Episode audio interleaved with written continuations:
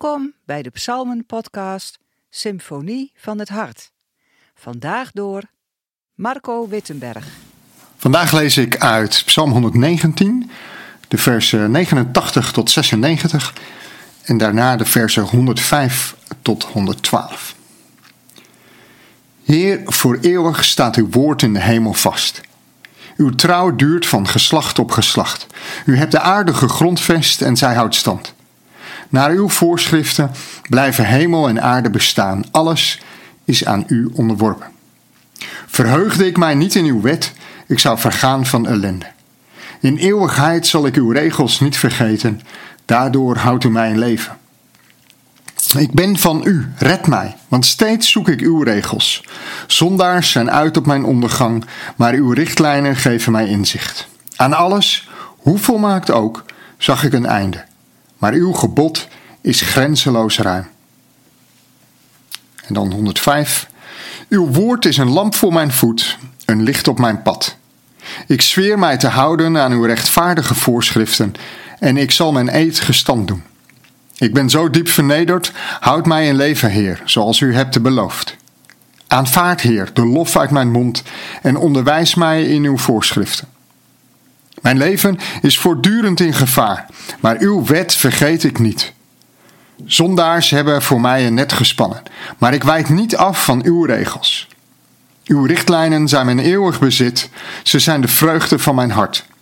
Met hart en ziel ben ik bereid uw wetten uit te voeren, eeuwig, tot het einde toe.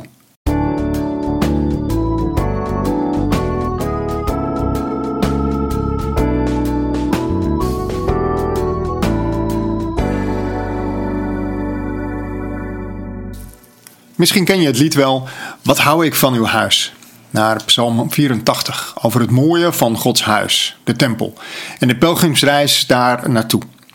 Bij Psalm 119 kan je wel een lied maken met de titel Wat hou ik van uw woord? Of Wat hou ik van uw wet? Het woord van God, in dit concrete geval de wet, de Torah, staat centraal in deze psalm. In 176 versen lang wordt de schoonheid van Gods woord bezongen in 22 blokjes van 8 versen, telkens beginnend met een letter van het Hebreeuwse alfabet, wordt de liefde voor Gods woord bezongen. In de versen van vandaag, vers 81 tot 112, komt deze liefde voor de Torah in verschillende woorden tot uitdrukking. De eerste keer dat ik deze versen voor mezelf las, duizelde het mij. Woord, wet of wetten, geboden, regels, voorschriften, richtlijnen. Er worden zes verschillende termen gebruikt om Gods wet aan te geven. En in elk van de tussenstukjes in deze psalm komen deze woorden wel zes tot acht keer voor. Ik ben begonnen om elk woord een ander kleurtje te geven.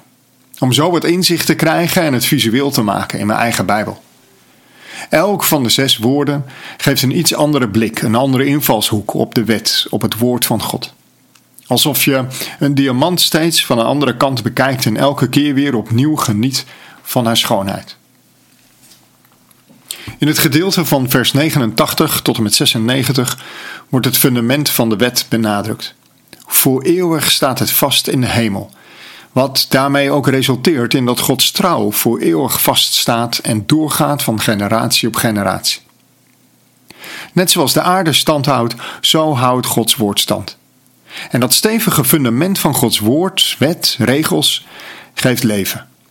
Het zijn richtlijnen die inzicht geven.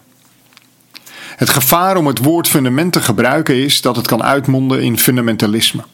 Een woord wat in elke religie een negatieve klank heeft. Een bijsmaak van bekrompenheid en fanatisme. Toch betekent liefde voor het woord van God en het woord van God als fundament in je leven te gebruiken niet dat je een fundamentalist bent. Het grote verschil zit hem denk ik hierin. Hoe je het woord van God in je leven gebruikt. Als je het ziet als fundament van je eigen leven, daar enthousiast over bent en anderen wel in hun waarde kunt laten, is daar niets mis mee. Als je het woord van God als fundament in je leven te pas en te onpas wilt opleggen aan anderen en hen wilt overtuigen van je eigen gelijk, dan wordt het fundamentalistisch. Hoe mooi is dan een vers als vers 96, waarin we lezen dat aan alles, hoe volmaakt ook, zag ik een einde. maar uw gebod is grenzeloos ruim.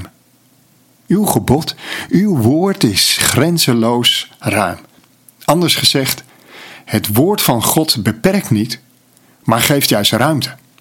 En deze ruimte maakt dat de psalmist even later de bekende woorden uitspreekt: dat het woord van God is als een lamp voor mijn voet en een licht op mijn pad. Het schijnt in ons leven en geeft daarmee ruimte om te leven. Ja, zelfs om eeuwig te leven. En deze lamp en dit licht zijn nodig om te leven, om in leven te blijven en om uiteindelijk een diepe vreugde te geven. Dat is waar het laatste blokje van acht versen over gaat. Gods woord schijnt in de duisternis van ons leven. Er is bemoediging en aansporing. Het schuurt en dwingt tot nadenken. Het verblijdt en voedt onze ziel. Met recht een woord waar ook wet, regels, voorschriften, gebod en richtlijnen op van toepassing zijn. Houden van, liefde voor, is een emotie. Een emotie die je mag ervaren. Ervaren door jezelf keer op keer onder te dompelen in het woord van God. Het te lezen en te herlezen, te bestuderen en te bidden, zodat je uiteindelijk ruimte en inzicht in je leven mag ervaren. Uw richtlijnen zijn mijn eeuwig bezit.